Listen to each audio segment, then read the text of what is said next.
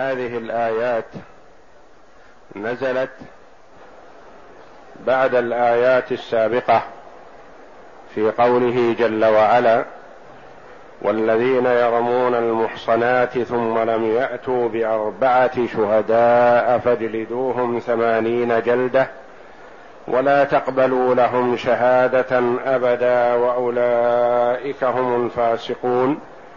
إلا الذين تابوا من بعد ذلك وأصلحوا فإن الله غفور رحيم. جاء بعض الصحابة إلى النبي صلى الله عليه وسلم يسألونه لو وجد الرجل مع امرأته رجلا ماذا يصنع؟ إن قتله قتلتموه.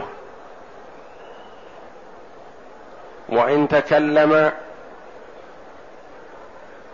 جلد ثمانين جلدة وإن سكت سكت على أمر عظيم.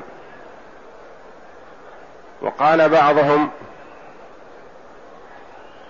إن ذهب ليحضر الشهداء قضى الخبيث حاجته وانصرف.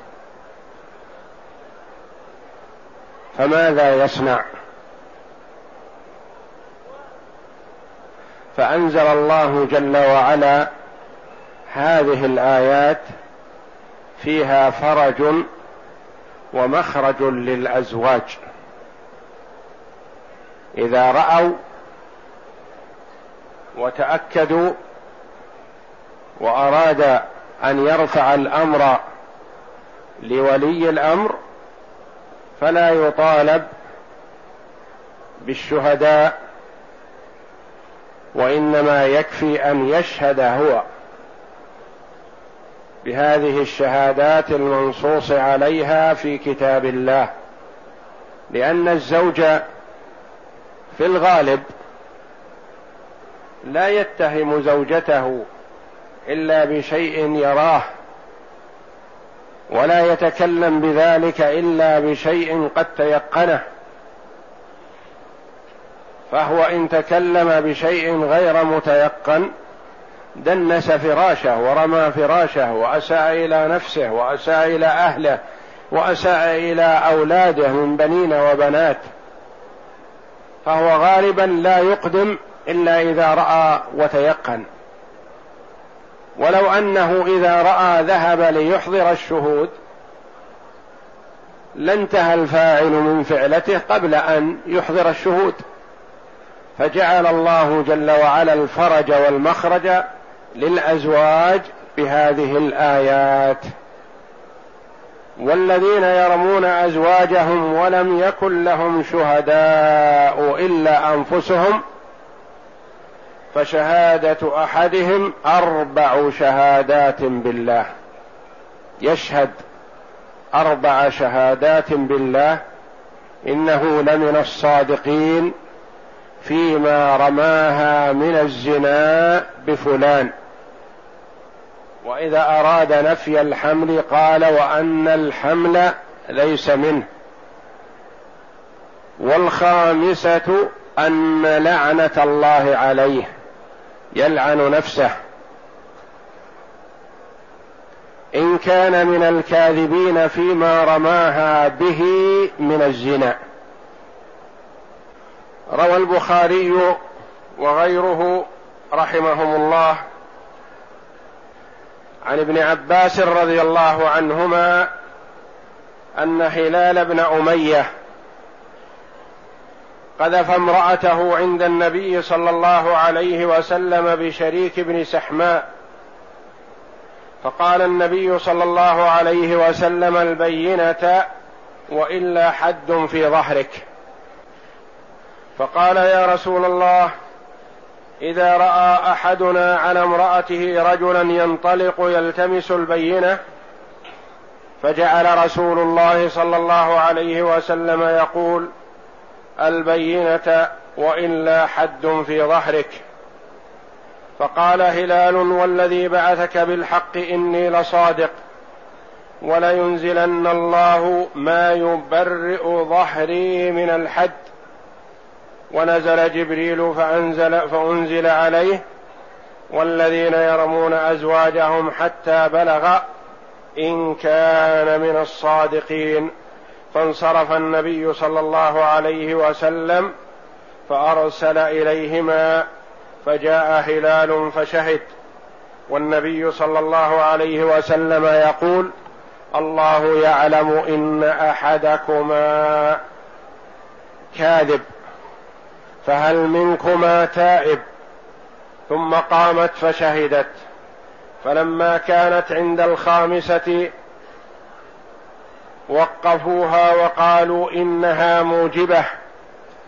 فتلكأت ونكصت حتى ظننا أنها ترجع. ثم قالت لا أفضح قومي سائر اليوم فمضت.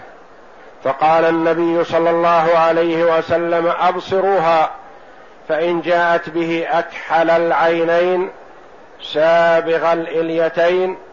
خدلج الساقين فهو لشريك بن سحماء وإن جاءت به كذلك فجاءت به كذلك.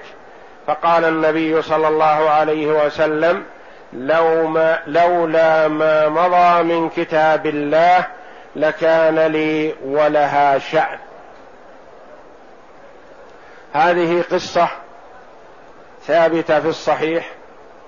وقصة أخرى لعويمر كذلك رمى امرأته فلاعن بينهما النبي صلى الله عليه وسلم.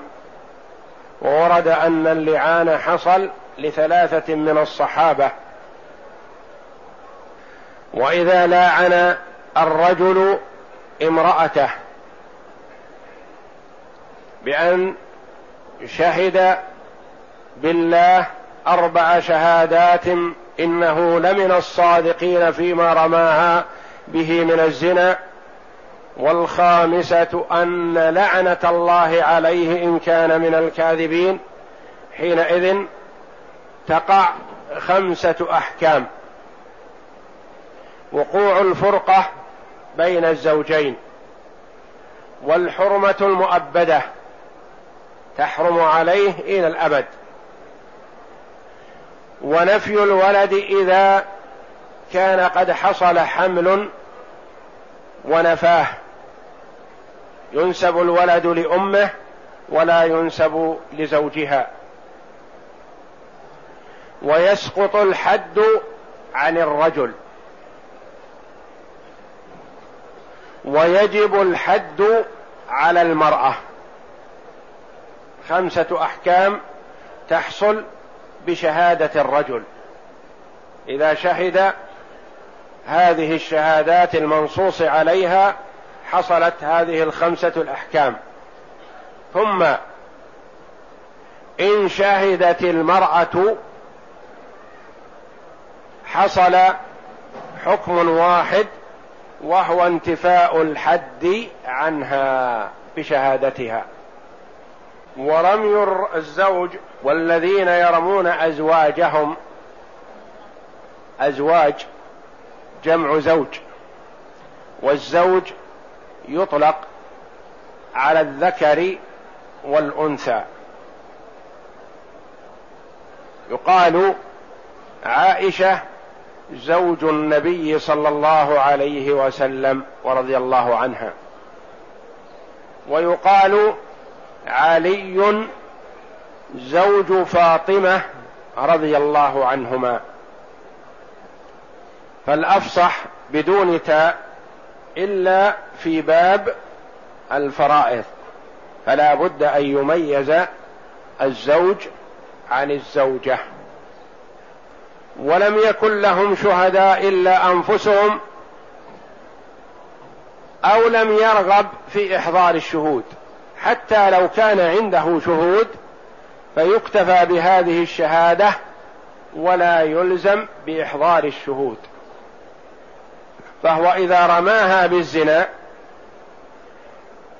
يوعظ ويذكر بأن عقوبة الدنيا وعذاب الدنيا بالحد لأنه إن رماها ولم يلاعن حد. لطلبها. أقيم عليه الحد كغيره. فإن لاعن سقط عنه الحد. يوعظ بأن الحد في الدنيا أهون من عذاب الله في الآخرة إن كان كاذبا. فإن أكد وأراد الملاعنة. طلب حضور المرأة كذلك ووعظت بأن عذاب الدنيا الذي هو الحد عليها بالاعتراف أهون من عذاب الآخرة وهو الملاعنة إذا كانت كاذبة. فيحصل اللعان بينهما بحضرة الحاكم الشرعي. ولا يصح اللعان بين زوجين بدون حضور الحاكم. فيبدأ بالرجل اولا فيشهد أربع شهادات بالله إنه لمن الصادقين فيما رمى به زوجته فلانة من الزنا وإن كان الرمي بشخص معين سماه. إنه لمن الصادقين فيما رماها من الزنا بفلان. وإذا كان هناك حمل قال وإن الحمل ليس له وليس منه. يشهد أربع شهادات بالله بذلك. ثم الخامسة أن لعنة الله عليه. واللعن هو الطرد والإبعاد من رحمة الله. ويوعظ عند الخامسة. إن لم يكن متيقنا فيرجع ويقام عليه الحد بطلب المرأة. فإن أصر على الإكمال أكمل. بالخامسة يلعن نفسه إن كان من الكاذبين. ثم تدعى المرأة وتلقن الشهادة بأن تشهد أربع شهادات بالله إن لم تعترف أما أن اعترفت فيقام عليها الحد بحسب حالها. إن كانت محصنة الرجم وإن كانت غير محصنة فالتعزير. أو الحد إن كانت بكرة. الحد بالجلد مئة جلدة كما تقدم. فإن لم تعترف شهدت أربع الشهادات بالله إنه لمن الكاذبين فيما رماها من الزنا فيما رماها به من الزنا. ثم توقف عند الخامسة لأنها الموجبة وتوعظ إن أرادت أن ترجع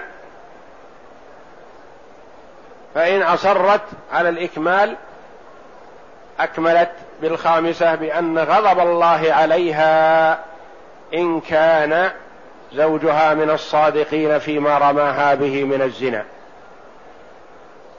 وجعل الغضب في جانب المرأة واللعنة في جانب الرجل لأن الغضب أشد من اللعن. والغضب على من عنده علم ولم يعمل به.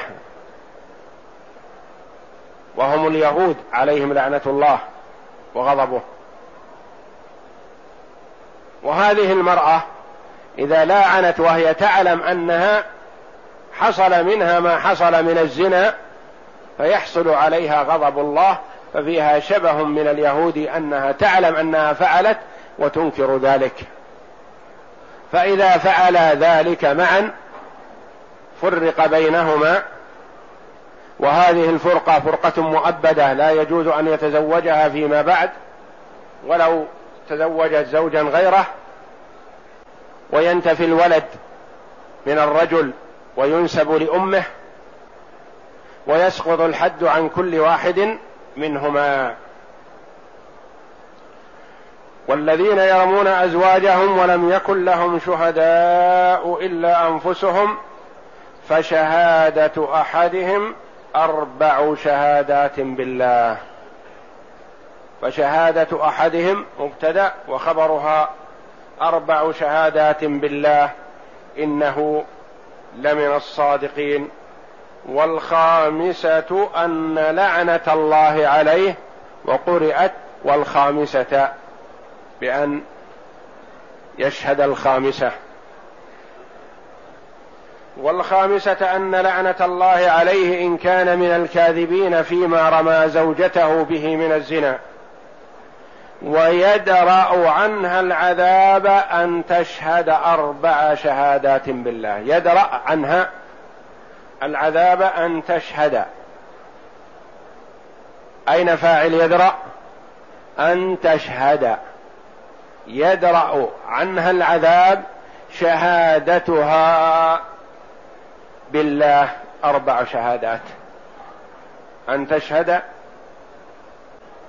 في محل الرفع فاعل يدرأ. يد تدرأ يدرأ عنها العذاب شهادتها.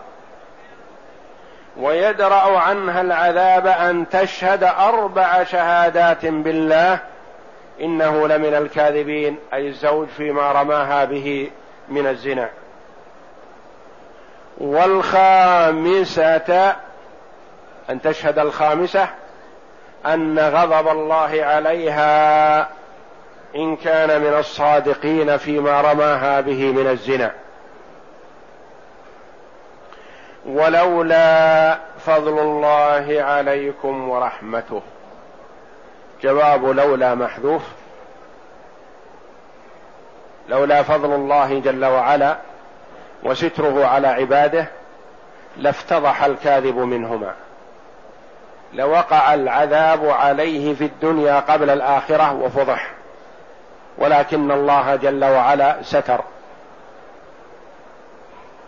فهما إذا تلاعنا أصبح الأمر مستور.